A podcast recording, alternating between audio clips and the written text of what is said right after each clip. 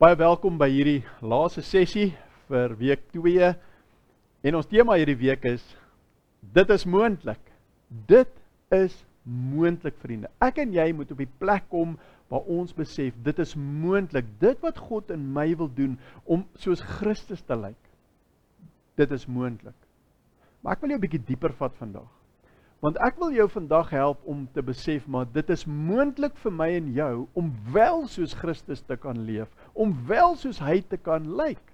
Ons moet daai visie, jy sien, wanneer ek en jy in die volgende weke ingaan om te kyk na die geestelike dissiplines en en en, en hoekom wil ons na die dissiplines wat Christus in sy lewe gehad het lewe? Moet ons besef dat die dissipline se fokus is nie dat ek hulle moet baas raak en ek moet leer om te kan bid en ek moet leer om te meditasie te kan doen en ek moet leer om te kan vas en ek moet leer om te kan A B en C doen nie. Ons gaan oor dit praat in die volgende paar weke. Jy sien dis soos die 800 meter atleet. Die fokus is nie om om die baan te hardloop. Is nie om kragoefeninge te doen. Is nie om spoedoefeninge te doen nie. Is nie om goed te kan rus en om die regte dieet nie. Die fokus is nie om elkeen van daai goed baas te raak en om en om en om die beste in dit te wees nie. Die fokus vir 800 meter atleet is om die beste 800 meter atleet te wees. En daarom is daar sekere dissiplines in sy lewe. My en jou fokus moet wees Christus. Ons moet 'n visie hê dat dit is moontlik, God se wil en se plan dat ek en jy kan lyk like, na Christus. In wie ek is. God het my gemaak met 'n talent, met 'n persoonlikheid, met 'n liggaam wat so lyk, met geleenthede om my wat van so 'n aard is.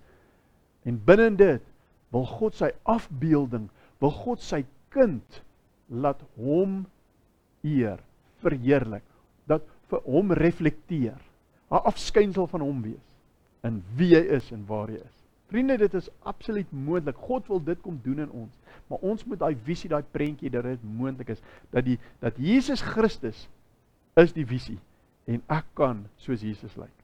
Daarom wil ek met jou praat oor Jesus. Ons het nog die vorige sessie gepraat oor dat God help ons in hierdie pad. Hy gee vir ons die boek van die natuur, hy gee vir ons die Bybel uh, uh as as as die belangrikste boek in ons lewe. Die derde ding wat God ons gee, is hy gee vir ons Jesus Christus. Vriende sien, Jesus Christus verskyn op die toneel hier in die Nuwe Testament en hy is die senter fokus van die Bybel. Hy's die een wat die Ou Testament na verwys van daar in die begin waar God oorlog verklaar het teen die Satan, oorlog verklaar het in in in Genesis 3 vers 15 waar hy gesê het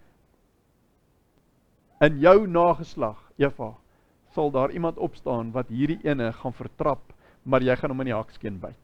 So ons weet dat Jesus is die een wat gepraat word van die begin af, vriende. En ons is in ons kyk na die woord en ons sien Jesus in die woord en Jesus moet vir ons die een raak wat vir ons die belangrikste is. Soos Paulus sê, ek het alles drek beskou om Christus as wins te kry. Alles. Jesus is ons fokus. Jesus is ons visie. En hy is die een wat ons na kyk. Nou is dit belangrik dat ek en jy, soos ons in die vorige gesê het, dat ons hom as ons leermeester aanstel. Dis belangrik dat ek Jesus wil volg en sê, Here, ek volg U. U moet my leer. Jy sien en die Here is nie 'n leermeester wat vir ons net sê wat om te doen nie. Die Here Jesus is 'n leermeester wat vir ons wys wat om te doen. Sy lewe wys dit. Sy sy hele wese kom wys vir ons hoe leef, hoe lyk 'n kind van God. Nou ons kan na Jesus kyk en sê maar hoe is dit moontlik dat ons soos hy kan lyk want hy was dan God gewees. Ja, dit is belangrik vriende, laat ons na Jesus sal kyk en dat ons Jesus sal sien in die twee dimensies wat hy was. Jy sien soos 'n soos 'n soos 'n muntstuk twee kante het. Het Jesus ook twee kante. En die een ding van Jesus is dat hy was seun van God gewees, seun van God en hy was seun van die mens gewees. Jesus was seun van God en seun van die mens. En ek en jy moet na Jesus ook in sy menslikheid kyk, want ons as ons net na sy goddelikheid kyk, dan sien ons die dinge wie hy was wat dit lyk vir ons onmoontlik. Maar vriende, hy was 'n mens net soos ek en jy. Hy was in vlees en been net soos ek en jy. Hy's hy's hy's deur alles op hierdie aarde het hy beleef soos ek en jy. Hy kan vereenselwig met ons. Soos ons na Jesus kyk, dan moet ons besef daar was iets spesiaals aan Jesus gewees hoe hy dit reg gekry het om as 'n mens te kan lewe soos wat hy gelewe het. Ja, hy was God gewees. Hy het hy het geweet die gedagtes wat fariseërs gehad het. Hy het geweet ehm um, hoe hoe die demone gedink het. Hy het geweet ehm um, Nathaniel was onder die boom gewees toe hy hom gesien het toe hy daar gebid het onder die boom of toe hy daar onder die boom was. Hoe het hy geweet? Hy was God gewees. En dan is daar die ander kant, die menslike kant. Die Satan kom, die verleier kom in Matteus 4 en die Heilige Gees lei Jesus in die woestyn in sodat hy versoek kan word, staan daar in die woord. En Jesus gaan in die woestyn in en vir 40 dae gevas, nie geëet nie, hy's baie honger, hy's natuurlik op sy swakste. En nou kom die verleier, die Satan na hom toe. En op sy swakste het hy het hy hom verlei. Hoekom het Jesus nie ingegee daarin nie? Hoe was dit moontlik dat hy nie ingegee het nie?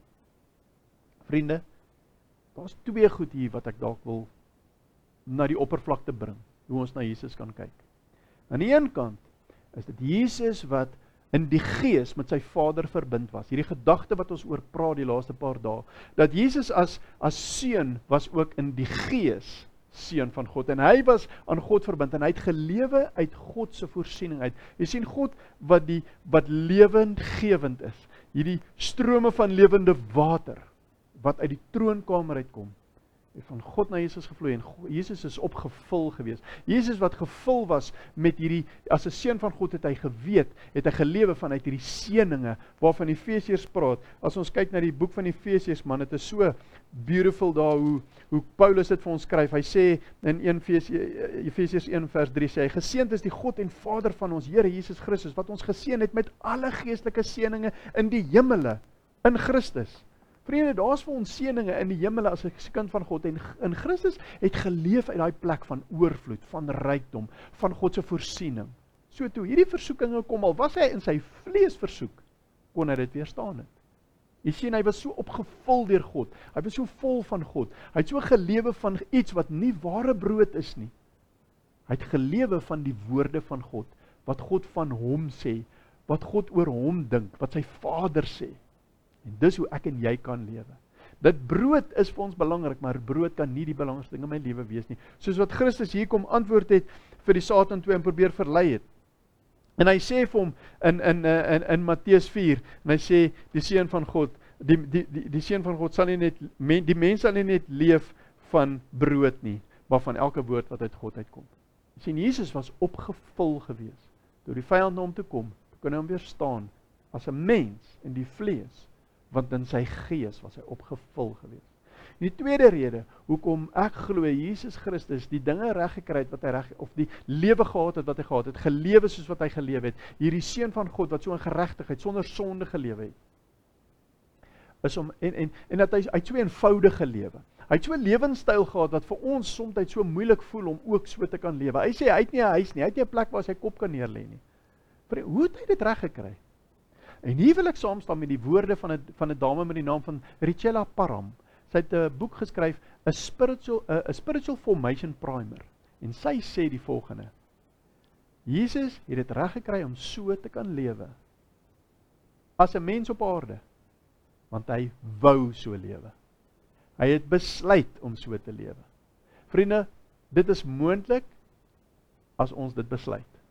Jy sien, ek moet my wil gebruik om te sê Vader, ek wil ek wil lewe, ek wil word soos wat u prentjie van my is. Met wie ek is, met my agtergrond, Here, u het my toekoms in u hande. U weet waartoe u my stuur. U weet wat u wil hê in my lewe. Vader, kom werk in my u werkinge. En vriende, ek glo dit is dit is absoluut moontlik dat ek en jy kan lewe soos wat Christus was as ons kan in hom vind dat hy was 'n mens gewees soos ons en hy deur al die versoekinge, al die vernederinge, al die ver, ver, uh, al die um, um, uh, weet hy's verlaat deur sy vriende, hy's verag deur mense. Hy's hy's deur dinge gegaan wat ons ervaar ook. Hy kan met ons identifiseer. En vir my en jou is dit absoluut moontlik om soos Christus te kan wees. As ek en jy kan in hom vind, dit is moontlik. So vriende, ek wil hê dat jy moet bietjie gaan dink hieroor. Dat dit moontlik is. Dat dit moontlik is en en dat jy dalk na God toe kom en sê Here, waar is die plekke in my lewe waar ek voel dis onmoontlik? Waar is die plekke wat ek 'n uh, amper 'n ooreenkoms met myself gemaak het en gesê het ek dink nie hierdie deel van my lewe kan verander en kan lyk soos wat God dit wil hê moet lyk nie. Ek wil hê jy moet bietjie gaan dink. Wat is die selfooreenkomste wat jy gemaak het? Waar eintlik in 'n leuen lewe? van die werke wat God in jou wil doen. is is is is is werke wat moontlik is. Sien die Bybel sê vir ons in Markus 9 vers ek dink is vers ehm um, 23, né? Markus 9 vers 23 staan daar. Ehm um, ek lees vir ons uit die Afrikaanse vertaling. Alle dinge is moontlik vir die een wat glo. Alles is moontlik, vriende. Alles is moontlik vir die wat glo. En God se werke in ons, dit wat hy beplan het, dit is moontlik. Ek en jy kan word wie hy in gedagte het. Geniet jou dag en seën vir jou week.